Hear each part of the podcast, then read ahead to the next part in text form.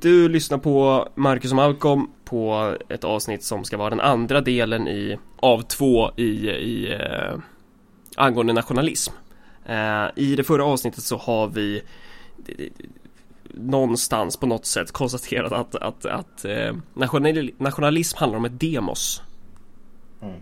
Och eh, så mycket mer än så konstaterade vi kanske inte egentligen. Ja, utan... det, men det, handlar ju om, det handlar ju om en ganska fräck idé, vilket är att du har alla de här administrativa enheterna, du har de här staterna. Ja. Men att liksom, inom det så finns det någon sorts gemenskap, någon sorts universalism där en för alla och alla för en råder. För att alla är del av samma nation. Mm. Så. Och det är ju en, både en historisk nymodighet jämfört med det som fanns förut och eh, en väldigt liksom, en väldigt fräckt påstående på många sätt och vis. Så det vi, det vi gjorde var väl egentligen att skissera upp teoretiska grunddrag för vad nationalism är. Vi pratade om att det är en skillnad på kategori och att det är en skillnad på innehåll. Mm. Att om man inte tycker om innehållet i en viss slags nationalism så betyder inte det att kategorin är att det är det som är fel liksom. Mm. Um, I det här avsnittet så tänkte vi gå in lite mer konkret på uh, Ja hur fan ska jag säga det här?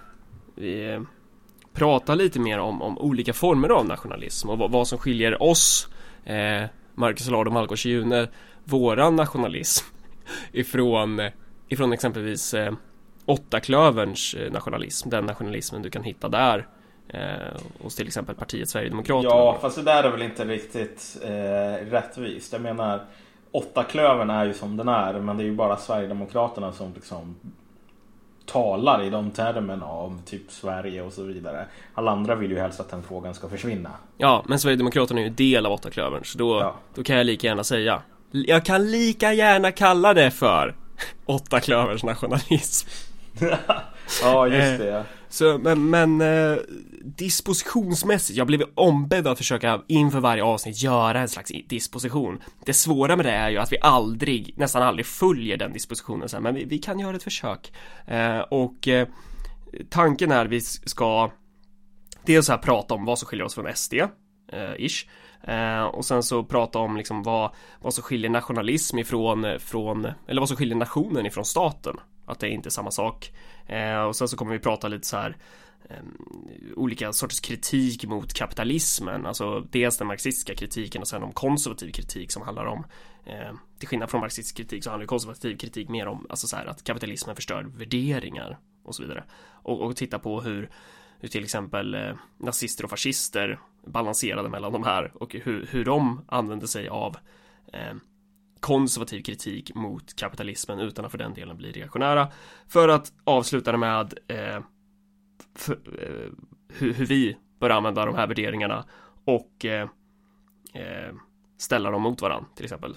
Ställa de, de två nationalisterna, nationalismerna mot varandra. Ja, nej men alltså, då ska vi se. Var, varför säger vi då egentligen att vi, vi, vi på något plan är nationalister så? Är mm. ju frågan som man bör börja med. Och för att spinna vidare lite grann från diskussionen i förra avsnittet så är det här, det är ju liksom det politiska demos på något plan som finns. Och det är också så här att vad man än tycker om det så är liksom nationsgränser liksom liknande. Det här är också de, de, de rent praktiska eh, enheterna inom vilka man liksom kan organisera människor. Och då blir det också så här att eh, som jag tror att du nämnde det förut att liksom, vad, om du tänker ung vänsters, ung vänsters liksom inställning till hela det här med eh, nation, svenskhet, mm. allting sånt. När, när man gick på, alltså när Sverigedemokraterna höll på att komma in i riksdagen eh, så var det ju Först så var det diskussioner om man överhuvudtaget skulle gå på skoldebatter där Sverigedemokraterna var med. Eh, Annars skulle man bojkotta själva debatten Även om Ung Vänster var det enda ungdomsförbundet som gjorde det I tron om att så här, någon skulle bry sig. Eh, När de väl kommer in i riksdagen och den här bojkotten misslyckades Då så var diskussionen snarare så här, alltså när de gick igenom hur man skulle argumentera mot Sverigedemokraterna i skoldebatterna så pratade de om att så här, vi ska aldrig erkänna att det finns en nation, vi ska aldrig, alltså aldrig erkänna Sverigedemokraternas agenda som då tydligen skulle vara det. Eh, och att vi ska aldrig liksom så här, prata om Sverige, vi ska aldrig prata om svenskhet. Eh, vi ska aldrig hamna i den så kallade fällan. Så att, så att själv, själva taktiken var ju, var ju en reträtt. Mm. Men alltså det finns ju ett Sverige. Rent objektivt så ja. finns ju nationalstaten Sverige. Det finns ju någonting som de inte vill prata om. Ja, och det finns ju också svenskar på något plan. Ja. Hur man än definierar det. Även om man bara definierar svenskar som medborgare i nationalstaten Sverige så finns de ju. Uh, och det blir ju alltid det där att den här terrängen är ju så som den är. Du går ut i krig eller du idkar politik Eh, Eh, med den armé som du har, inte den armé som du vill ha. Och du gör det på den terrängen som finns, inte den terrängen som du önskar skulle finnas. Uh, och det finns liksom hela idén om att du idag kan säga så här, vi, vi tänker låtsas som om nationer inte finns. Vi tänker låtsas som, vi tänker inte prata om Sverige, vi tänker inte prata om något sådant. Um, är helt idiotisk. Alltså det går inte att göra så. Det, går inte, det är inte realistiskt att bete sig så. Eh, liksom, om man vill verkligen illustrera hur löjligt det är så kan man ju ha i minnet att alltså, det här med nationalstater, det här med att tala om svenskar, eh, svenskhet, bla bla bla, att det ska ha någon sorts politiskt innehåll är ganska nytt. Eh, innan den västfaliska freden så var det ändå så här att alltså, du hade inte nationalstater utan du hade så här ätter, dynastier liknande liksom. Att det var mycket mer av en familjeaffär. Du var typ hertig von Habsburg och du, hade, du var kung över de här och de här territorierna. Så. Och så gick du ut i krig mot andra familjer, andra ätter mer. Um, och om du är typ någon sån här superadel, liksom från Gripenhjälm eller någonting som önskar sig tillbaks i den tiden.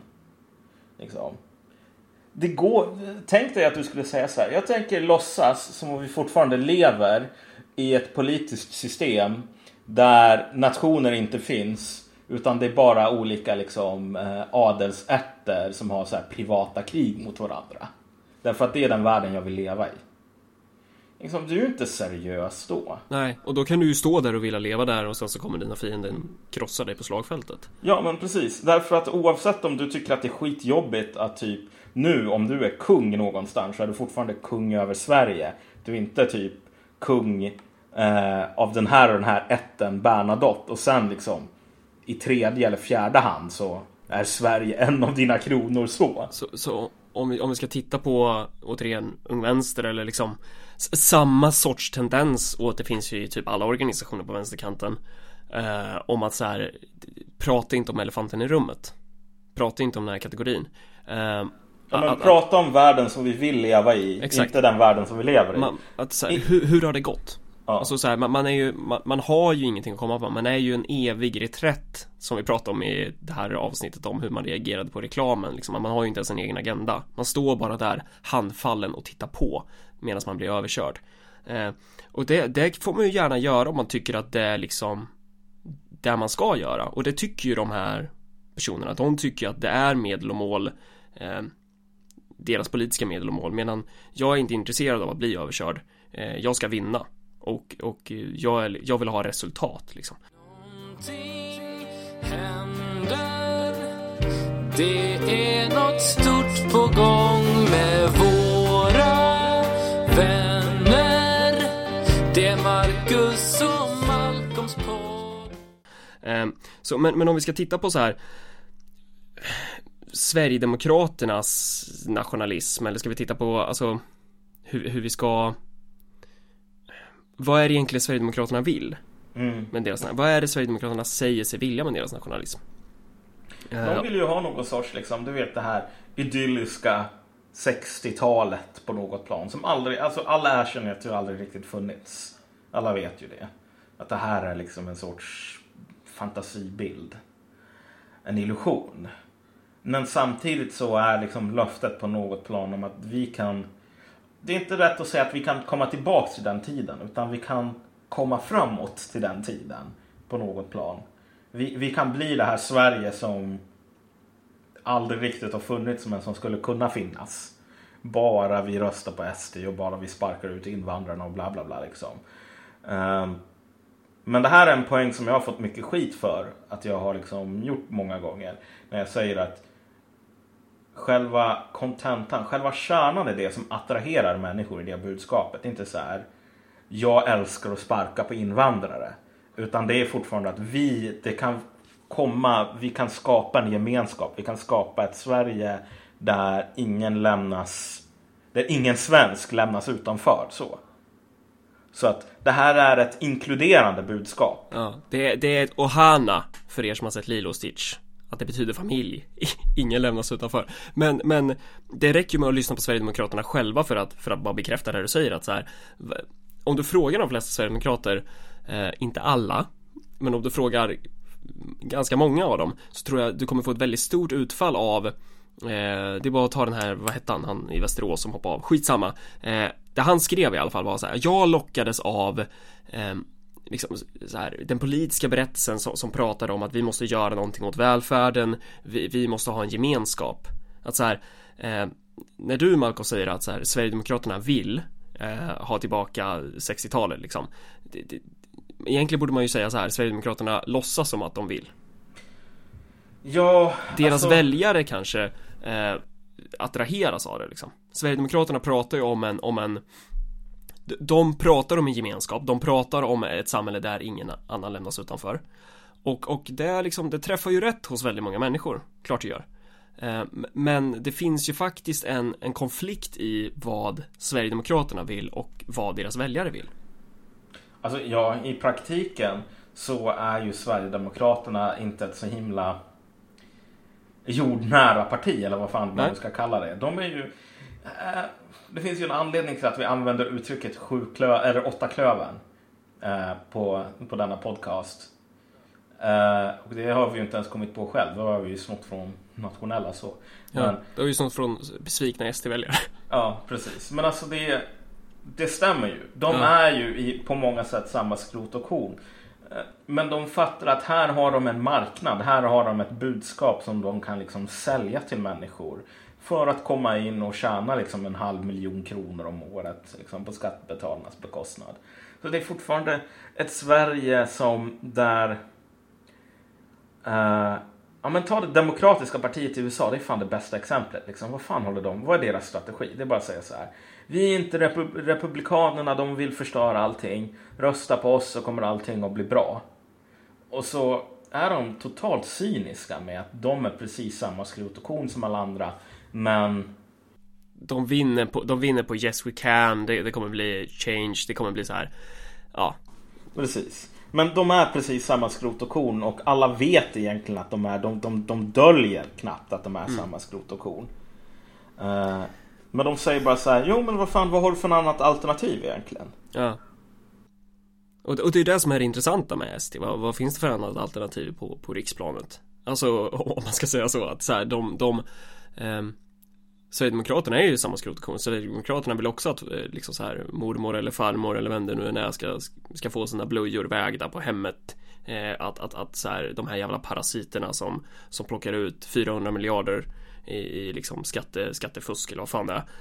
De, de ska fortsatt kunna göra det och så vidare. De, de, de vill framförallt så vill de ju ha sina egna politikerlöner liksom. De, de har inga som helst problem med att tjäna 90 000 i månaden. Eller vad är det Jimmie Åkesson tjänar egentligen? Vad är hans månadslön på? 90 000 i månaden och sen utöver det försöka fiffla till sig en jävla sjukförsäkring. Att så här, leva gott på, på Sveriges pengar, Sveriges skattepengar. Eh, de har inget problem med det och, och sen har de fan mage att kalla det för, för att älska Sverige, att, att kalla det för nationalism. Sen så kommer de att bara sitta där. De vill, deras, deras dröm, deras våta dröm, ja. det är att de ska liksom ha precis samma, ska kunna skapa av liksom eh, svenskar. Samma sorts liksom målgrupp som typ svarta i Ferguson är för liksom demokrater. Det är så här, de vet att det är de här människorna som skickar polisen på en. Det är de här människorna som liksom uh, fortsätter med typ kriget mot droger, bla bla bla. typ Clinton var den som verkligen skar ner på typ välfärd och allting sånt där. Men de kan sitta där och hånflina och säga, ja men vad fan annars ska ni rösta på? Ja. Republikaner. För, för, för det är ju det som, det kommer ju uppenbaras mer och mer och mer Att Sverigedemokraternas mål är att vara en del av systemet eh, Och det, konflikten mellan Sverigedemokraterna som parti Och de som attraheras av partiets berättelse, budskap och skitsnack. Eh, Den kommer öka. Ja, men det är det som är liksom Det här får man jävligt mycket skit från vänstern om man säger. Men det är fortfarande så här att du har människor som hoppar av SD för att de inser Men fan de här människorna är rasister. Ja, Alltså Antingen så är alla de här människorna håller de på och ljuger i någon sorts liksom så här dubbelagenter typ. Eller så finns det ändå något eh, en, en attraktionskraft där mm. Som som är annat än rasism. ja det är ju det som är det viktiga att, att de så här, SD kommer aldrig falla på att, att de här, är rasister eller något sånt SD kommer, SD kommer falla på att de inte kommer kunna ge välfärd, gemenskap och att de inte kommer kunna bygga eh, Sverige, alltså ett kollektiv det kollektiv som deras väljare vill ha Att vänstern inte fattar den här poängen att det, finns, att det kan finnas människor som på allvar hoppar av SD för att de inser att det här partiet är rasistiskt. Liksom. Som människor som inte går med för att det är rasistiskt. Det är ju på grund av att anledningen till att de går med är ju för att SD erbjuder någonting som vänstern har gett upp på. Liksom. Ja. Precis som Ung Vänster liksom abdikerar hela den här frågan om nationen. Så har man också abdikerat hela det här liksom, planen att typ erbjuda en familj till folk. Eller att erbjuda en annan idé om nationen Som, som i all så här, Gramsci liksom I all hegemonikamp så här, erövra allt Mm, precis.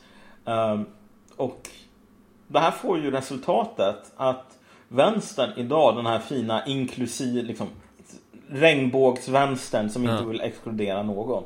Den har ungefär liksom samma syn på socialismen som typ Jehovas vittnen har på typ räddningen. Vilket är att det är en liten, liten skara av de mest troende utvalda. Eh, som kommer, som förtjänar att räddas. Och alla andra som liksom de kommer att dra åt helvete, bokstavligt talat. För att de är dåliga, så. Det finns inte ens en ansats hos den här jävla Twitter-vänstern att typ egentligen sträcka ut någon sorts hand eller ens ha någonting att göra med den st stora majoriteten av Sveriges befolkning. Därför att de, är, går inte på den, de har inte den rätta linjen så.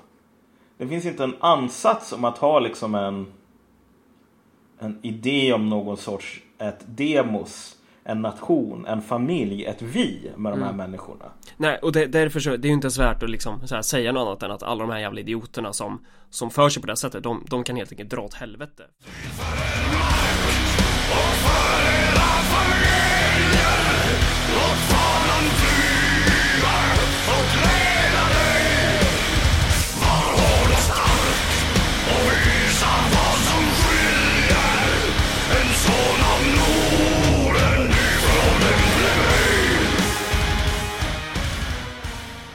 Men om vi ska gå över till den här eh, Alltså att Sverigedemokraterna, de, de, de knyter an till någonting historiskt I sin berättelse. Och det brukar man ju alltid göra i nationalism, att så här För det handlar ju om att, att, att fylla vad är, vad är Sverige, vad är svenskhet liksom, vad är, vad är den här nationalismen? Och de knyter an till liksom så här Låtsas knyta an till folkhemmet, en, en, liksom en mytomspunnen bild av folkhemmet som, som de på något sätt skarvar fram. Ja visst, det, det fanns ju ett folkhem. Eh, är, är den liksom identisk med vad Sverigedemokraterna säger sig vilja skapa? Nej, absolut inte. Det finns andra exempel på hur man har gjort, till exempel Mussolini. Eh, Du, du har liksom Italien här, när det är i början av 1900-talet. Italien, hur, länge, hur, hur länge har Italien funnits när Mussolini liksom kommer till makten? Vad är det? 60 Inte år? så himla länge, precis. Ja, det är så här, det, det är jävligt ung nation. Eh, så hur, hur, måste, hur ska man bygga ihop de här personerna som finns inom statens territoriella område?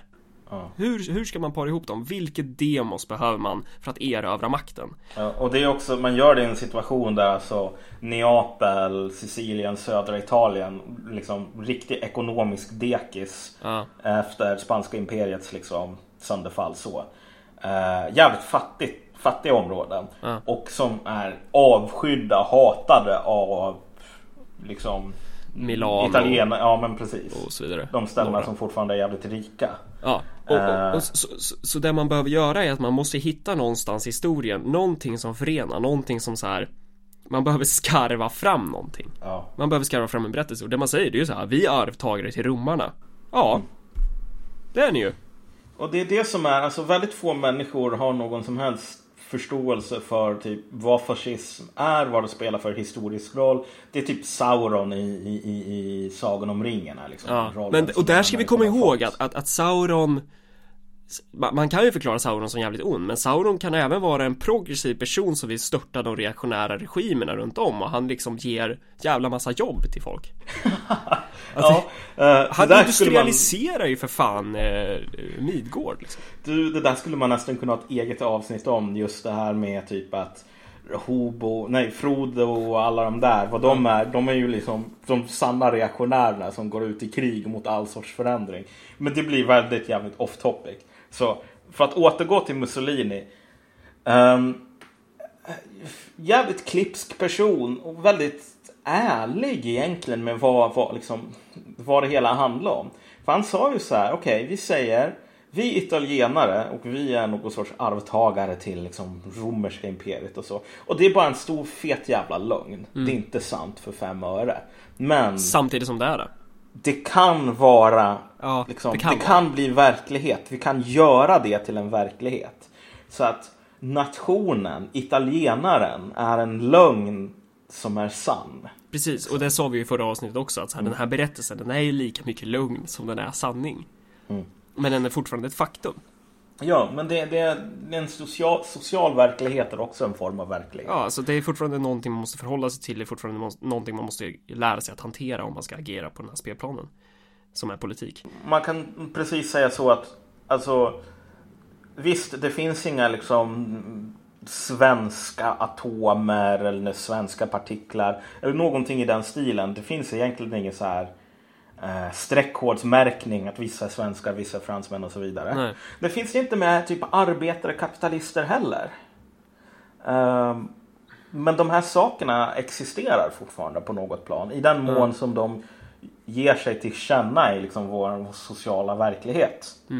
Ehm, Som subjekt mm, precis. eh, Alltså, för det går ju att titta på Jag lyssnade lite på den här podcasten En svensk tiger De är ju stundtals tok-idealistiska Men, men ganska soft att lyssna på ibland. Eh, Speciellt avsnittet om eh, hur svensken blev vit. För att då pratar de liksom så här om Swede Hollow, jag tror det var i Chicago. Eh, Eller vad fan det nu var, skitsamma, någonstans i USA. Det, det, det kommer en massa svenska eh, invandrare. Eh, Som eh, Alltså, och så, och så kollar man på hur typ britterna eh, i deras brev hem till familjerna så skriver de typ så här att Ja, ehm, det är, vi är x antal vita civiliserade människor och sen så är det några svenskar här också. Eh, Svenskarna är illaluktande, de är liksom eh, de, de äter massa lök, de är typ så här smutsiga jävlar, de är absolut inte vita. 20-30 år senare så är svenskarna absolut vita och då är det istället så här en fråga om är italienarna vita? Är finnarna vita? Är, är irländarna vita? Skulle du gå till en nazist på 30-talet i Sverige och säga så här bara Ja, Finland, det är ju vårt brodersfolk Typ som svenska motståndsrörelsen gör idag liksom De ska bygga nordiska motståndsrörelsen och bara så här, men, men deras, för, deras liksom ideologiska Hade de funnits för 70 år tidigare så hade man ju sagt så här Vadå, vänta, kallar du en finne en bror till mig liksom? Vadå? eh, Alltså det var inte så jävla kul att vara finlandssvensk i Sverige. Nej, men på 30, alltså på 30-talet så hade ju, så hade ju en nazist så slagit dig på käften om du sa att, att finnarna och svenskarna är brodersfolk. Finnarna var ju enligt nazisterna liksom untermensch, de var ju, de var ju underutvecklade.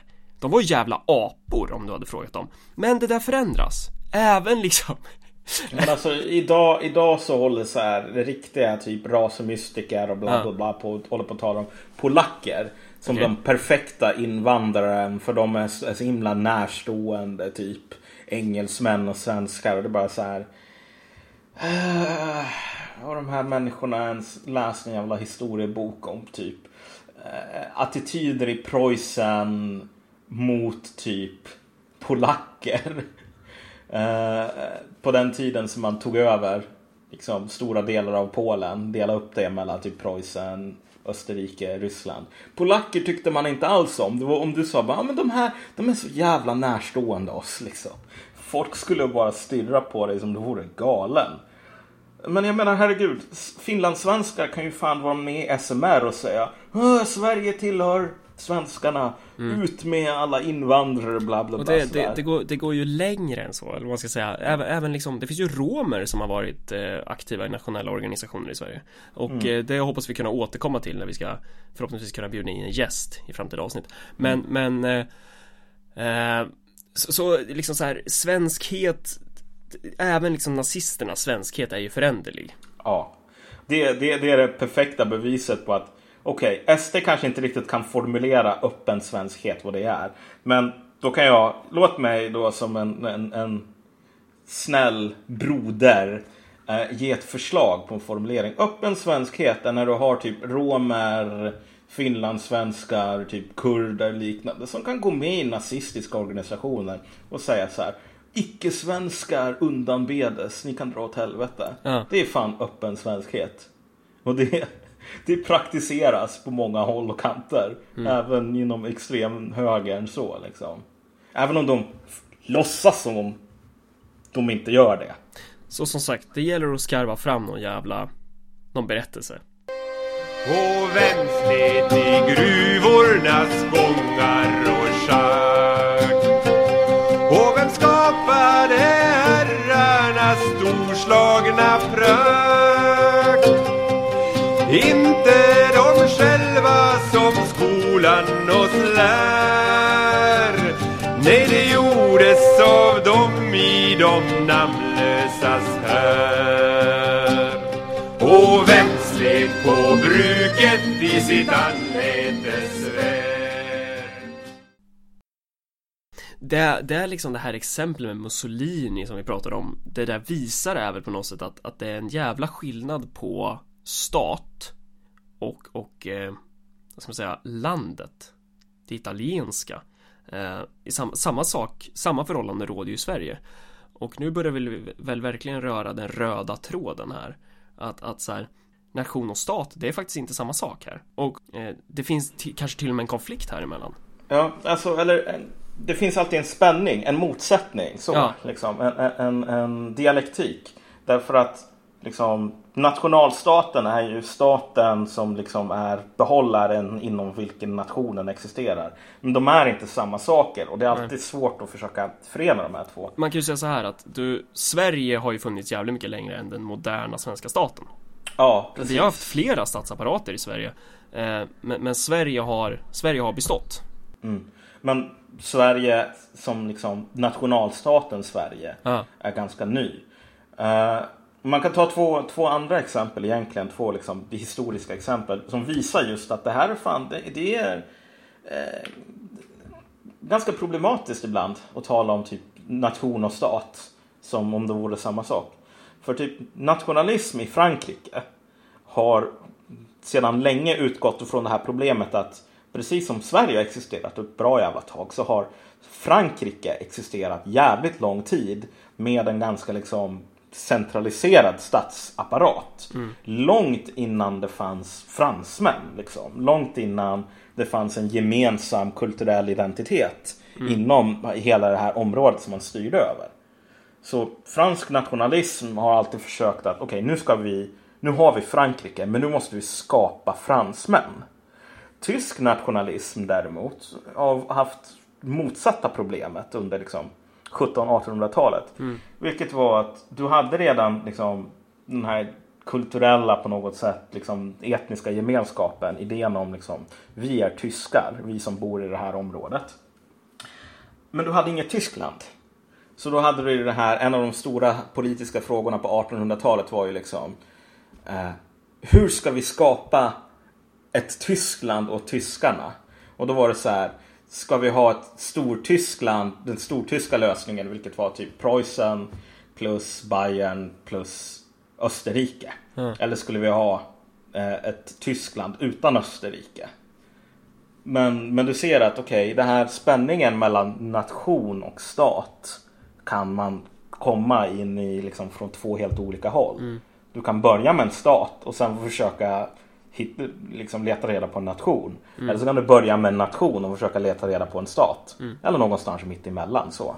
Och man kan ju ställa sig frågan så här i, i vilken utsträckning Sverigedemokraterna skulle vilja erkänna Det skulle vara ganska intressant att lyssna på, på dem så här Eh, Alltså titta på deras nationalism Erkänner de att det finns Att det faktiskt finns en en, eh, en konflikt Mellan Sverige eh, Svenskarna Och den svenska staten Nej, för de vill ju i slutändan vara de som sitter på toppen av den här staten och... Så när, så när den svenska staten kommer och typ drar in Alltså utförsäkrar Eva När den svenska staten skickar in polisen mot, mot ungdomar i Sverige när, när den liksom svenska staten agerar så som en stat gör, alltså som, som eh, den, alltså vad ska man säga, den härskande klassens liksom organ. Och i det här fallet då med, med, med någon slags sverigedemokratisk regering. Då kommer Sverigedemokraterna säga att nej men vet ni vad? Ni, ni är familj. Mm. medan vi kommer säga dra åt helvete. Den här, det här är en stat som inte stämmer överens med Sverige. Det här är en stat som står i konflikt mot svenskarna, den står i konflikt med vårt land. Så här, Sverige har Sverige har överlevt tidigare statsbildningar liksom. Sverige måste ju bestå, vi måste föra Sverige i tiden liksom. Vi måste ju ha en annan slags stat. Mm, och jag menar, liksom för den som tror att... ehm, vad ska man säga? Det, det har ju blivit den här go-to-positionen för typ vänstern att säga men vänstern och nationalism är två helt olika saker liksom. Det är som typ olja och vatten bla bla bla. Men jag menar om du ser till Sovjetunionen. Ja, Det här kanske vi talade om lite grann i förra avsnittet. Men alltså i Sovjetunionen så blev det eh, kampen om vem som skulle få bära liksom ikläda sig ryska, ryska, den ryska nationalismen. Kom till slut att handla, kampen kom till slut att bli mellan de röda och de vita. mm. Och då var det alltså inte mellan liksom så här Socialdemokraterna och Liberalerna utan det var Nej. mellan kommunisterna och de tsartrogna. Precis. Varav vi alla vet att kommunisterna är Det var ju de goda ryssarna liksom. Och med goda ryssarna så menar jag ju att, att de var liksom Det var ju de som var mest ryska. Ja, precis. Alltså det här blev en kamp om vem som skulle få definiera vad som var ryskt. Ja, Och när kommunisterna vann inbördeskriget mot de vita så var det de som fick liksom Eh, komponera menyn. Och vad det ledde till var ju att alltså, rysk nationalism var ju någonting som man verkligen använde sig av. Men rysk nationalism gav man ju ett väldigt annat innehåll än vad de vita skulle ha gjort. Och då blev det också så här, det var ryskt att vara en god kommunist.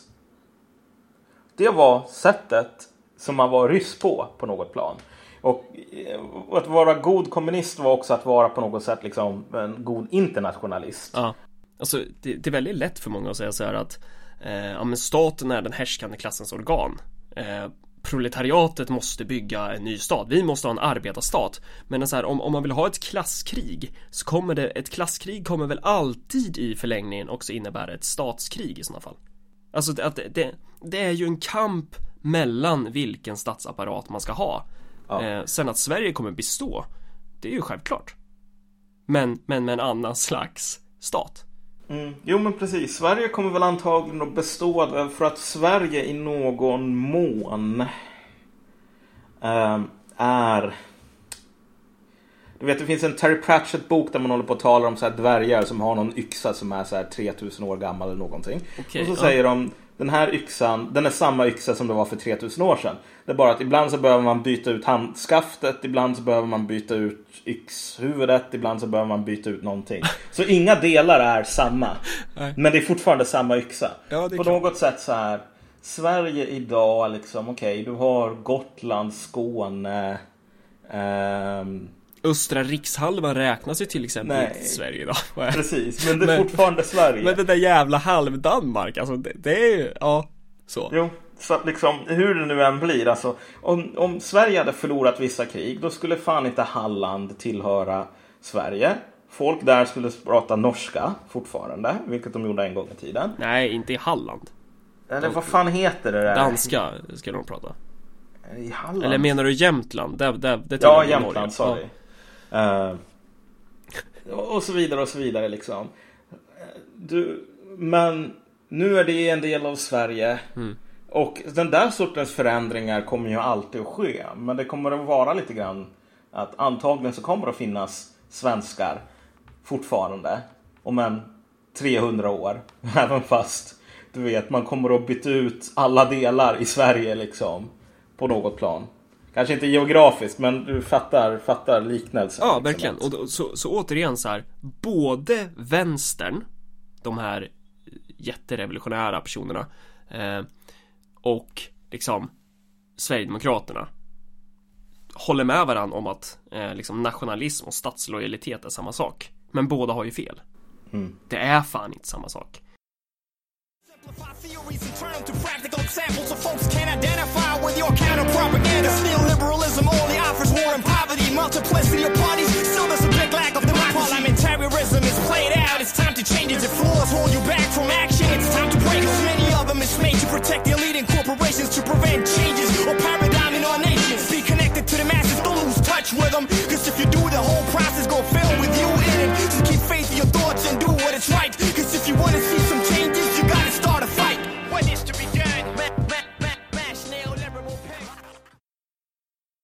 Kapitalismen så finns det, om man ska eh, dra det kortfattat liksom, så har man, så har man ju liksom genom historien sett två så här, former av antikapitalism. All form av antikapitalism är ju inte kommunistisk. Eh, det, finns till exempel eh, Alltså du, du, har ju, du har ju dels den marxistiska kritiken av kapitalismen Den marxistiska antikapitalismen som är Som är att, eh, så här, vad är kritiken egentligen? Att kapitalismen är eh, Den är ineffektiv den är liksom eh, den, den håller en massa motsättningar och därför, därför måste den gå under liksom. Men, men medan man tycker att kapitalismen har ju också åstadkommit positiva saker som till exempel att den har brutit sönder de gamla ordningarna och liksom man omfamnar ju moderniteten på något sätt. Sen har du också den konservativa kritiken, alltså som, som härstammar från den före detta härskande klassen under feodalismen, de som hade allt att förlora på kapitalism, om man ska säga så. Eh, som, är, som är liksom att den kritiken är ju eller framställs ju ofta som liksom så här att men kapitalismen är dålig för att den, den attackerar våra värderingar. Kapitalismen eh, bryter sönder sunda värderingar. Och det är ju sant på ett sätt. Men sen kanske inte jag håller med liksom Ludvig den, eh, vad är det, 16 eller vilka det nu är liksom om, om vad som är sunda värderingar. Ja. Men, men att kapitalismen förändrar värderingar, det stämmer ju. Och om man ska titta på typ hur nazismen och fascismen eh, tog, tog lärdom av den konservativa kritiken. Så, så de höll, höll ju inte alls med liksom de här reaktionära personerna om om vilka värderingar det är man måste så här, värna så utan de förstod ju bara att men vänta lite vi kan även ha en liksom knyta an till eh, fan ska jag formulera det? Värderings eh, formuleringsprivilegiet. Ja. Jo men precis.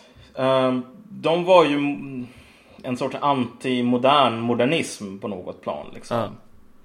Ehm, Att de ville ha en alternativ modernitet med andra värderingar än liksom tjäna pengar typ. Ehm, man ser mycket i så här bluten, liksom, blutenbåden, hela den grejen. Så här, att man ville skapa någon sorts alternativ som på ett plan var antikapitalistiskt men just var det eftersom det hade väldigt annorlunda värderingar och väldigt annorlunda liksom, tonvikt på vad som var viktigt och vad som inte var det. Så. Och där så kan man väl också säga så här att De, de har ju också varit ganska flexibla i i, i liksom just kritik, alltså i just frågan om hur ska man eh, organisera produktionen Där har man ju sällan ett svar Och det är ju både en styrka och en svaghet hos, Ja. hos liksom nazister och fascister Att de- de är väldigt flexibla i den, i den bemärkelsen Mm. Ja men precis. Precis som liksom nazisterna fattade Att eh, Vänta lite, vi kanske borde så här Formulera några slags värderingar här egentligen och, och, och- och säga vad, vad, som, vad som bryts ner och vilka värderingar vi ska värna om så kanske vi idag också borde ta lärdom av det här och tänka lite så här ja vi har faktiskt en, en vi har den rimliga kritiken mot kapitalismen men vi kan även anlägga ett till perspektiv om de värderingar som vi måste slå fast vid. Och vilka är då de värderingar som dagens liksom kommunister borde börja arbeta kring? Jo, vad fan det är ju Sverige. Det är svenskhet. Och då kan man ju, och då, då, då blir ju frågan så här, okej, nu har vi ställt upp kategorier här. Vad är det vi lägger för innehåll i det? Mm, ja men alltså, jo, jag tror att det gäller att vara tydlig här när man talar om liksom att, att, att svenskhet är ju ingen värdering i sig. Nej. Men det är fortfarande eh, nu så bor vi ju som sagt i Sverige och nu så är liksom nationalstaten här för att stanna. Och frågan är vad för sorts värderingar man, vad, vad för sorts innehåll man fyller den här kategorin med. Därför att antingen så fyller man den med något sorts innehåll. Antingen så är man med och slåss mot de vita när det gäller att definiera eh, vad det är att vara ryss. Ja, eller svensk nu då. Ja, liksom. Eller så ger man de vita seger på walkover. Ja. Det är de två alternativen som finns.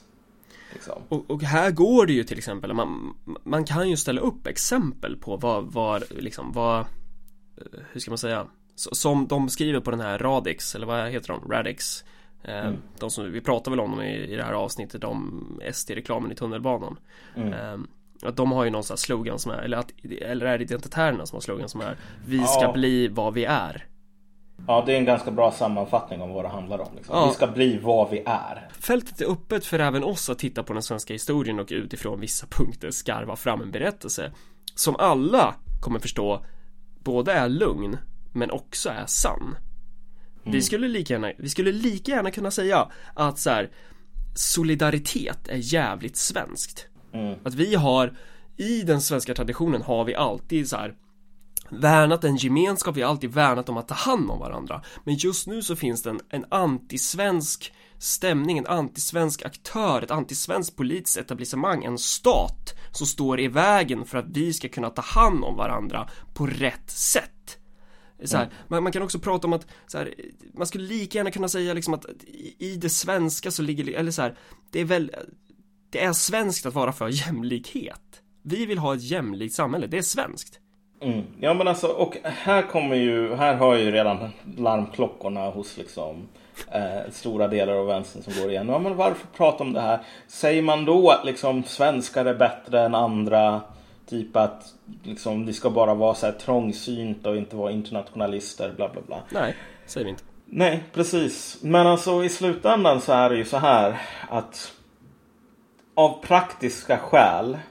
Eh, när jag sa att liksom den här idén om nationen var jävligt fräck. Ja, Så det som jag menar med det var bara att idén om att 8 miljoner människor som liksom kan på något sätt liksom vara en och samma politiska enhet var en jävligt nymodighet för att inte nämna så här USA 320 miljoner människor. Så liksom eh, att du skulle kunna organisera människor på ett sådant stort plan var en väldigt nymodighet när det kom av sig. Och det idén om att du ska kunna liksom organisera en miljard människor i någon sorts, på något praktiskt plan är inte realistisk. Eh, Så att liksom, så länge nu som vi har de nationalstater, så länge som vi har och du, Eh, du, miss, det jag tror du missade några meningar där. Eh, Okej. För att, ja, det är inte realistiskt att organisera en miljard människor just eftersom att Alltså, du pratar om en miljard människor som demos Men det Ja. är ju realistiskt om du organiserar en miljard människor nedbrutna i nationella kategorier Precis, men då får du ju en sorts federation. Då får Exakt. du ju ändå så här. Kolla, vi svenskar organiserar oss själva. Ja, Och sen så får ryssar organisera sig. precis eh, Göra revolution i Ryssland och så vidare och så vidare. Mm.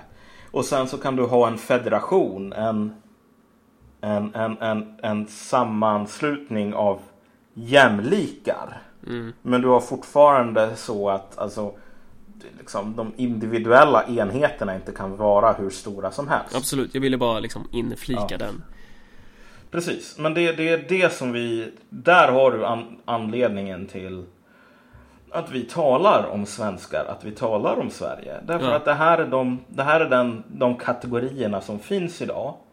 Och även om det finns människor på Heimdal som önskar att de, det inte var de kategorierna som gällde utan att nu var det så här eh, Habsburgs mot Hohenzollern som var liksom det intressanta. Så du vet, det är inte den världen som vi lever i. Nej. Utan du vet, vi kan organisera oss själva utifrån de förutsättningarna vi är givna. Eh, och försöka göra det på ett så progressivt sätt som möjligt. Och, och här, här kommer ju liksom vänstern som sagt eh, alltså Det här snacket om att eh, Nationalism skiljer sig ju åt i Mali från hur den är i Sverige Ja, absolut så är det ju eh, men därmed menar många att man kan inte vara, man kan inte använda sig av nationalism i, i länder som Sverige för att eh, citat intränat läte Sverige är en liten hungrig imperialistisk stat Ja, fast det där, det där är ju bara nys. Sverige är, Sverige är en klientstat till, till, till USA. Eh, och om USA hamnar på dekis så kommer Sverige att förlora sin sugar daddy liksom. The world system systematically in order to see how we can exploit and expose its fallacies. Not alone, we're building up this squadron of humble poor people who do not pardon. With the invisible, you only see us at the factory, but all through reading, critiquing, and enlightening like a faculty, we're accurate. And their contradictions are hard to veil. But if we don't act, the system will prevail. So we gotta choose,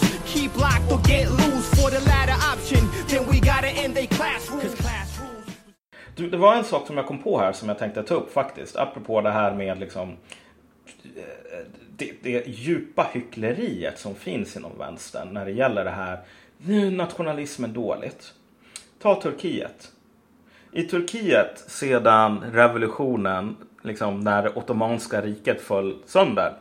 Och man konsoliderade det i liksom nationalstaten Turkiet. Innan dess så hade det ju varit en, en multi, ett multikulturellt imperium med massor med olika etniska grupper. Sen skulle det bli Turkiet. Um, du, då hade du det här jätteproblemet med att det fanns kurder i Turkiet. Och så försökte man krossa dem. Man, försökte, man liksom sa det finns inga kurder. Det här är bergsturkar. Och så skulle man hålla på att förbjuda uh, deras språk, allting sådant. Och tvinga in dem i det här liksom, tvinga in den här runda klossen i det här fyrkantiga hålet. Liksom. Nej, ni ska vara turkar nu. Det ska inte vara massor med så här. Liksom, det, det ska inte vara massor med skillnader. Eh, du vet. Om man nu följer vänsterns, för vänstern älskar ju kurder. Men om man nu följer vänsterns jävla logik inom citationstecken här. Då skulle ju vad, kurden, vad Tur, Turkiet höll på med vara så här superprogressivt. För ska vi verkligen vara så här trångsynta så att vi har kurder och turkar i ett land? Ska det vara, är det verkligen så himla positivt att kurder håller på och säger så här, ja men nej vi är inte, vi är annorlunda. Liksom. Du, du fattar vad jag vill komma åt här? Alltså att vänsterns logik här som säger att alltså, all nationalism är dålig och reaktionär och så vidare. Borde ju egentligen leda till att vänstern liksom skulle säga till kurderna det här groteska att vet du vad, ni ska lägga er ner och acceptera att ni blir fuckade här. För det är, ja, men det är för eras eget bästa som eran liksom särart ska utplånas nu. Därför att förr eller senare så kommer Turkiet gå med i EU och sen så kommer Turkiet inte att finnas mer. Men, men, då, men då svarar ju vänstern, kanske inte liksom ordagrant men mellan raderna, men det här är något, det här, det här är något folk borta i sanden liksom Ja. eh, det, där är ju, det där är ju tredje världen Det där är ju, eller vad det fan är nu för någonting Nej men precis. Men alltså vänstern, vänstern, du vet det finns inte längre någon sorts analys. Det finns inte längre någon sorts konsekvent argumentation så. Utan det är bara så här. Man är för eh, kurdernas nationalism. Ja. För att det är Och- häftigt. Och där ska man också säga att kurdernas olika nationalismer som står i motsättning mot varandra Ja, jo. Men man är för deras nationalismer för att det är häftigt. Det, det är coolt. Och sen kan man vara för så här, irländsk nationalism eller något sånt. Det är också balt. Svensk nationalism, det är inte balt. Men man kan inte förklara skillnaden eller något sådant. Utan det blir det här, det här är det här folket borta i sanden. Liksom så. Eh, och de är inte vita, vilket betyder att de, du vet, de har inte vita människors så otroligt viktiga problem och bördor och allting sånt. Men jag säger så här, jag är för kurdisk nationalism och jag skulle inte säga så här, vet du vad, det är bara, ni är bara löjliga som har er egen liksom, tror att ni är annorlunda än, än turkar. Ni borde bara acceptera att ert språk förbjuds och så vidare. Eh, jag är för deras nationalism för att jag känner ändå, Eh, jag, vad ska man säga, jag är gammalmodig nog av mig. Att jag tror på nationellt självbestämmande så. Att det är liksom det finns en begränsning för hur stora du kan göra enheter med människor. Och liksom inom de här enheterna så folk får bestämma över sig själva. Så. Jag ska inte ha andra som bestämmer över dem. Och det är egentligen samma sak. Samma sak borde egentligen gälla för svensk nationalism. Egentligen kan man ju säga så här då att imperialism Alltså så här, att vara för imperialism är inte samma sak som att vara nationalistisk. För att då gör man återigen det här misstaget som vi var inne på att, så här, att nationen och staten är samma sak. Att vara för det här systemet, att vara för det politiska etablissemanget Att försvara det politiska etablissemanget, att försvara staten. Det är ju att i sådana fall snarare då att vara för imperialism. Men att vara nationalistisk är inte det. Nej, alltså nationalism är ju Eh, eh, är ju en väldigt dubbeltydig sak. Det är liksom ett mynt med två sidor. Den ena sidan är ju en särart. Vi är annorlunda. Ni som bor i Sverige är inte samma sak som folk som bor i Tyskland. Det är den ena grejen. Den andra grejen är bara så här att det är en universalism. Som säger att liksom vi som bor i Sverige borde bestämma över oss själva. Och så får ni i Tyskland bestämma över er själva och så vidare. Att alla har någon sorts, alla har en rättighet att vara universella inom sina egna liksom sfärer så. Och ofta så är ju den, den här särarten är ju ofta kommer ju därför att man antingen gör uppror mot en universalism som döljer någonting ganska eh, motbjudande. Så att på 1700-talet, 1800-talet så var det liksom, vi är fransmän. Eh, liksom, det var någonting radikalt. Mm. Därför att, eh, vad heter det nu? Därför att på den tiden så var, liksom, så hade du territorialstater där folk liksom ofta inte talar språket som liksom människorna som var deras undersåtar så. De hade en internationell adel där alla var släkt med alla, där alla kände alla, där alla gick på varandras födelsedagsfester och liknande. Eh, och sen så hade du undersåtarna liksom. Som, du vet, man brydde sig inte om dem. De här kanske talar ungerska eller något sånt, men vad fan, varför ska jag, kejsar fransk, tala ungerska? Liksom.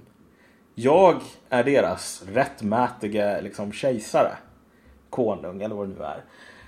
Och sen nationalism på 1900-talet var ju i mångt och mycket ett motstånd när man sa nej vet du vad, vi är inte alls fransmän. Eh, vi är algerier. Mm. Därför att man gjorde motstånd mot kolonialvälden. Kolonialväldets, ja precis, och deras, deras universella berättelse Precis. Ja men det är väl där vi hamnar ändå, att vi på något sätt är åter i någon slags universalism. Att så här, även idag så har du ju en, en, en fin kompott av makthavare, liksom det politiska etablissemanget. Alla de olika partierna har ju på något sätt förespråkat någon slags universalism. Och med det menar jag det som jag var inne på tidigare, det här med teknokrati och allt det här. Alltså den tendensen om att när politiker slänger allt fler människor på soptippen, när man utförsäkrar liksom 56-åriga Eva, eller vad man nu gör, så ursäktar man sig alltid med att man gör det för allas bästa. När man tar ut 150 000 i politikerlön så gör man det för att det är det bästa för för samhället, för nationen liksom, för att annars får vi inkompetenta politiker. Att det är liksom, politikerna företräder ju alltid vårt allas gemensamma bästa. Alltså det, Ja. den slags, den, den sortens slags universalism är ju, är ju central idag. Eh, och det, jag tycker att För egentligen, det, det är väl där man hamnar när man ska så här för, för, för mig, jag får inte ihop det liksom Att få den sortens universalism eh, Att para ihop det med en kärlek till fosterlandet om man ska säga så Men alltså det är ju, det är väl som universalism eh, när man försöker använda det politiskt ofta blir. Det blir en sorts trojansk häst. Eh, SD talar ju om fosterlandet, de talar om Sverige, bla bla bla sådär. Och så försöker man utge sig för att vi talar för liksom, allas intressen. Alla så länge de är svenskar liksom. Eh, men det här, allas intressen, det är ju fortfarande det är, inte, det är inte allas intressen egentligen. Utan det är ju fortfarande Jimmy Åkesson som spenderar en halv miljon liksom, av skattebetalarnas pengar, spelar bort det om året. Eh, samtidigt som folk utförsäkras och allt det där. Alltså att visst, det är en viss sorts, det är någonting partikulärt. Det är en liksom i, i, i, det, det, är någonting specifikt. Det är inte något universellt. Typ Jimmy Åkesson, Mattias Karlsson, liksom deras ganska snäva intressen. Men det är kul att låtsas. Eh, och det är ju, om du tänker dig, samma sak sker ju på EU-nivå när man talar om, du vet, vad står EU för? Det står för mm. frihet och demokrati. Och så ser du liksom vad det är för sorts politik som förs. Och det är en politik som är mer eller mindre sådan att eh, det håller kapitalintressen i typ Zürich, City of London, mm. bankirer liknande för ryggen.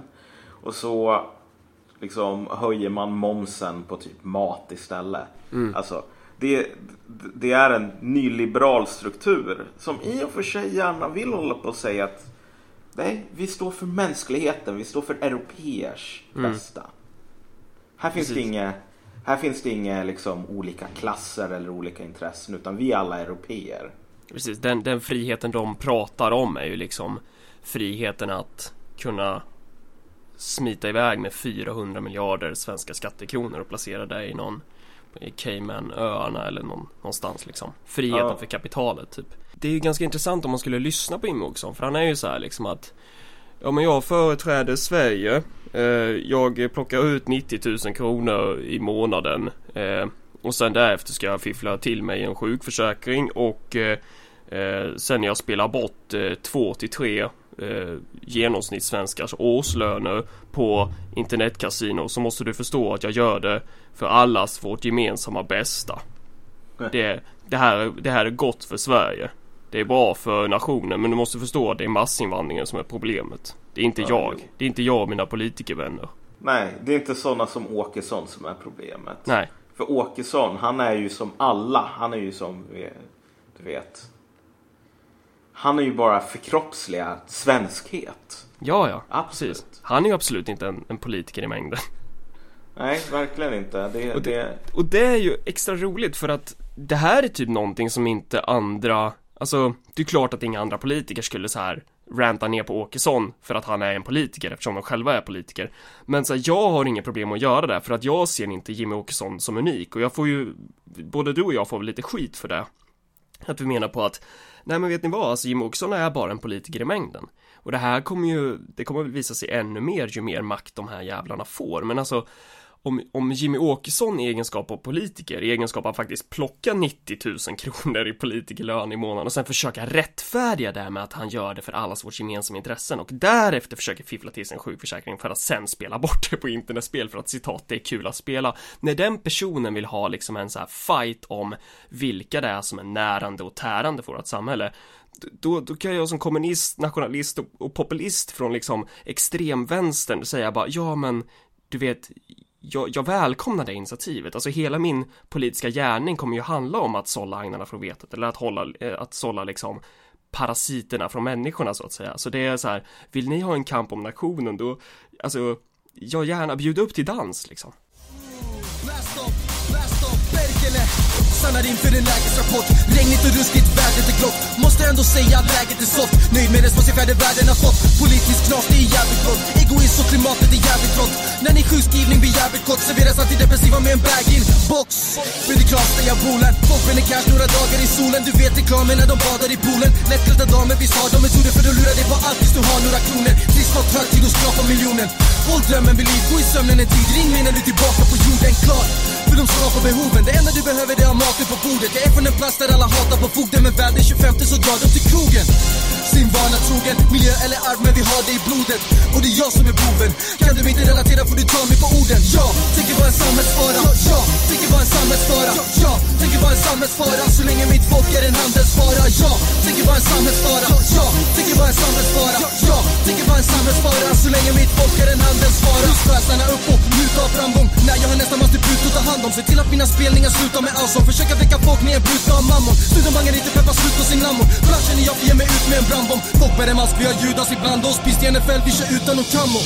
Kolla vad de gör för påser, ingen aning vad de vill eller gör i påsen. MCs har inte rent mjöl i påsen. Vetskapen gör att man är redo för psykoser. Men nu rör det på sig, mina grabbar nej, säg vad det finns öl i logen. Kyssbruk är alltid någon som stör sig på en. Varför hatar någon som inte har ett öre på sig? Det är en sak att fattig, jag skulder en annan. Ännu värre blir det när skulder blir gamla. Om jag hade cash men jag skulle vara densamma. Skulle bränna allt på pressen, skulle rått min mamma sen Pappa sen, pusha sen, pola sen, grannen sen. Hoppas till vi kommer till den hemlösa mannen. Vad skulle ni göra? Jag tänker vara en samhällsfara jag tänker vara en samhällsfara Jag tänker vara en samhällsfara Så länge mitt folk är en handelsvara Jag tänker vara en samhällsfara jag tänker vara en samhällsfara Jag tänker vara en samhällsfara Så länge mitt folk är en handelsvara Ey, är det synd om dig? Fastighetsskatt, är det synd om dig? Ey, ey, är det synd om dig? Din giriga jävel, det är synd om dig Ey, ey, är det synd om dig? Ey, ey, är det synd om dig? Förmögenhetsskatt, är det synd om dig? Din giriga jävel, det är synd om dig Och det kanske, det kanske nu så här avslutningsvis värt att, att summera återigen liksom vad vi, när vi talar om nationen, varför vi gör det och liksom vad, vad poängen det här är. Jag följde den här grejen med den här franska miljardären som eh, bara sa, åh vet du vad? Skatterna är för höga i Frankrike. Nu, blir jag, nu flyttar jag till Ryssland. Kommer inte ihåg namnet men det var så här fransk miljardär i alla fall. Okej, ja. Och om du tänker dig så här. Det, där har du dagens internationalism. Därför att om du är miljardär. Det är verkligen så här. Du kan få med, medborgarskap i vilket land som helst. Det är hur enkelt som helst. Men tror du eller jag kan bara typ åka till City of London och säga hej, vi skulle bli, vilja bli liksom vi skulle vilja bo här istället. Vi skulle vilja få medborgarskap här. Nej, du vet, det här är frihet. Det här är för, för en viss sorts människor. Eh, och det är liksom när man talar om det här. Här har vi inga nationsgränser. Här har vi bara ren mänsklighet. Och ren mänsklighet för vem då? Och Ja, vad precis. för sorts? Ja, nej men det, jag, jag tycker det är en intressant poäng det här med att så att om, om du skulle fråga Jimmy eller hans politiska kompisar oavsett vilka parti de är eh, så är det ju så att de har ju ingenting emot den här sortens eh, rörlighet över gränserna liksom. Nej, nej men precis. Vad, vad, Alltså- har, alltså, vad har Sverigedemokraterna ens, när har de ens sagt någonting om den här liksom Eh, de snackar om att invandringen kostar mellan 50 miljarder till 250 miljarder Men sen har du ju skattesmitning på 400 miljarder. Alltså det är så här varför pratar de inte om det? Varför är man fixerad vid stackaren som sitter på hörnet och tigger några jävla kronor när det finns en äcklig jävla fitta som flyr ut ur vårat land med pengar som han har snott från att typ så här placera mormor i kissblöjor liksom? Varför slår man inte till mot de jävlarna om man påstår sig älska Sverige? Man kanske inte lever upp till den berättelse som man själv försöker sälja in. Förstår du vad jag menar? Ja, för politik, här är grejen som folk ofta inte förstår. Politik handlar inte om likheter. Politik handlar om skillnader. Ja. Eh, och frågan är bara vilka skillnader är det egentligen som är de viktiga? För du och jag, vi är inte liksom någon form av etnonationalister som menar att typ, jag vet inte vad, vad folk håller på att snacka på i motgift. Att typ svenskar är någon underart som typ utvecklades för att jaga sill. Så här, evolutionär biologiskt bla bla bla, som jävla nonsens. För oss är inte liksom typ de här idéerna om ras eller att jag vet inte vad. eh, eh, eh, eh liksom som någon som Miljan Penai kommer från och sanddyner där med kroksablar. Du vet där det ockras och köpslås och sen så kommer Miljan Penai hit och sen så du vet eh, har, något elakt frö satt sig här i liksom svensk jord. Nej, och jag är ju själv något av en, en, en, en, en, en invaderare. Alltså, du är ju inte, du är ju Ja. inte den här ockraren från sanden. Du är väl Nej. en, du har väl en Zulu-trumma liksom eller något? Ja, något sådant. Spjut, typ. Ja, alltså. Utan när vi talar om skillnader så menar vi att de skillnaderna som i slutändan är viktigare är inte så här hudfärg eller efternamn eller något sådant. Det är jävligt irrelevant. Det finns dock skillnader, de som du just tog upp typ. Ja, det är skillnad på svinet som lever på folket för att han ska Ja. kunna spela bort en, en halv miljon på internetspel för att det är kul att spela. Mm. Alltså, det är skillnad på han och på de människorna som han röstar för att försämra pensionerna för eller, eller liksom röstar för att utförsäkra. Det är skillnad på de människorna. De har inte gemensamma intressen. Och det är skillnad på någon som typ bor i Sverige och är tvungen att lida och bli utförsäkrad. Och någon som är miljardär och som på grund av att den är miljardär och på grund av att hela systemet är designat så att det ska vara maximal frihet för miljardärer. Så här, maximal frihet för kapital. Eh, kan bara säga så här, vet du vad, jag tycker inte om Sverige längre. Nu väljer jag ett annat land. Vilket land som helst. Därför att vilket land som helst är beredd, beredd att ge mig medborgarskap, för jag är miljardär. Du vet, en sådan människa behöver inte bry sig om sitt land. En sådan människa har ju inget land. Nej. Men vi har ett land, vare sig vi vill eller inte. Det måste vi värna och man värnar inte det här landet genom att slå på de som inget har. Man värnar ju det här landet genom att rensa det på parasiter.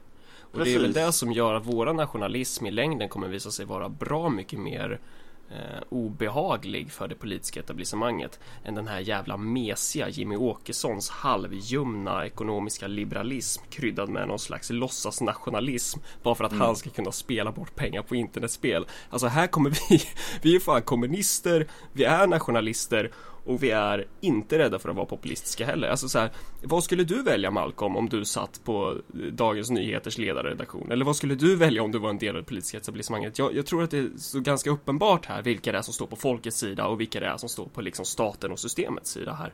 Och Ja. de som står på staten och systemets sida, de kommer i förlängningen inte stå på, på liksom fosterlandets sida. För att de företräder en, en, en utdöende art som vi har sett tidigare i historien liksom.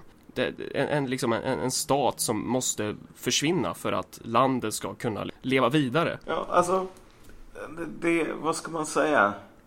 Det, det, det är fascinerande idag. Det finns liksom en teori som är att typ allt motstånd mot kapitalismen idag är egentligen motstånd mot globalismen. Därför att globalismen som sådan är ju eh, påminner så otroligt mycket om liksom den här internationella adeln på 1700-talet typ.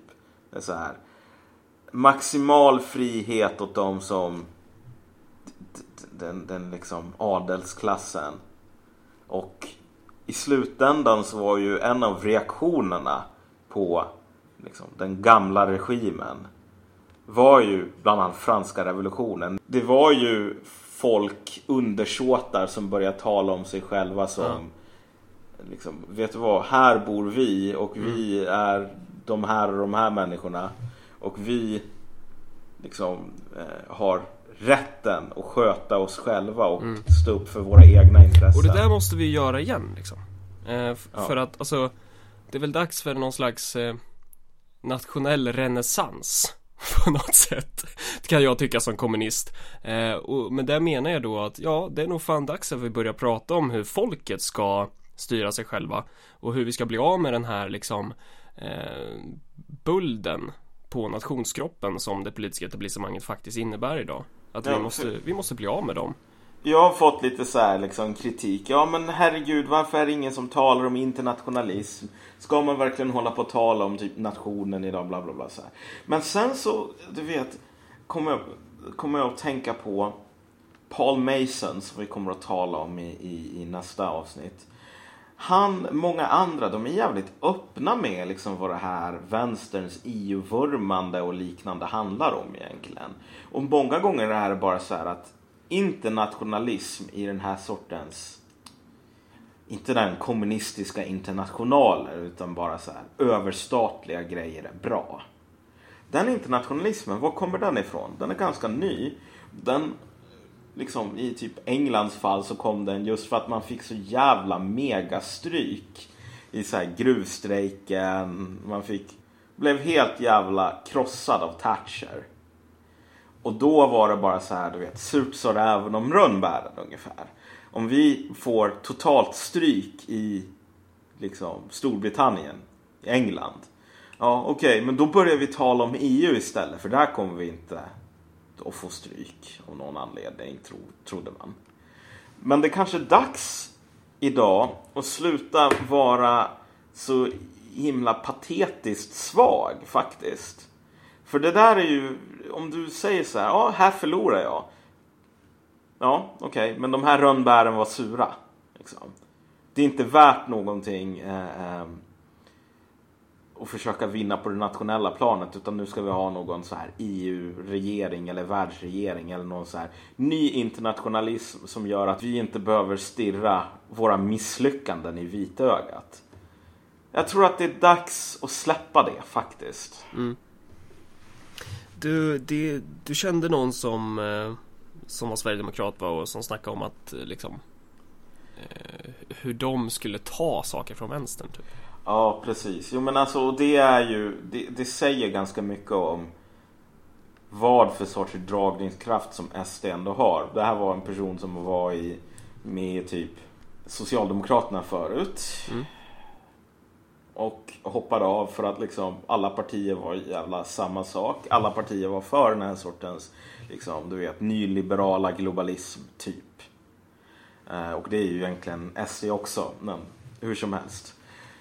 SD framstod som det, liksom, det enda alternativet. Och så sa han så här bara, jo men vet du vad, vi nationalister, vi kommer att göra det jobbet som ni liksom i vänstern fega ur ifrån. Vi kommer att krossa det här liksom nyliberala systemet som gör, bara likriktar allting och som bara förslavar människor. För det här är ett projekt som ni har gett upp på. Det här det här är någonting som vänstern som socialister säger att de står för, men i praktiken så gör ni ju inte det längre. Så att vi nationalister kommer att göra socialister, er, er socialister, vi kommer att göra ert jobb åt er.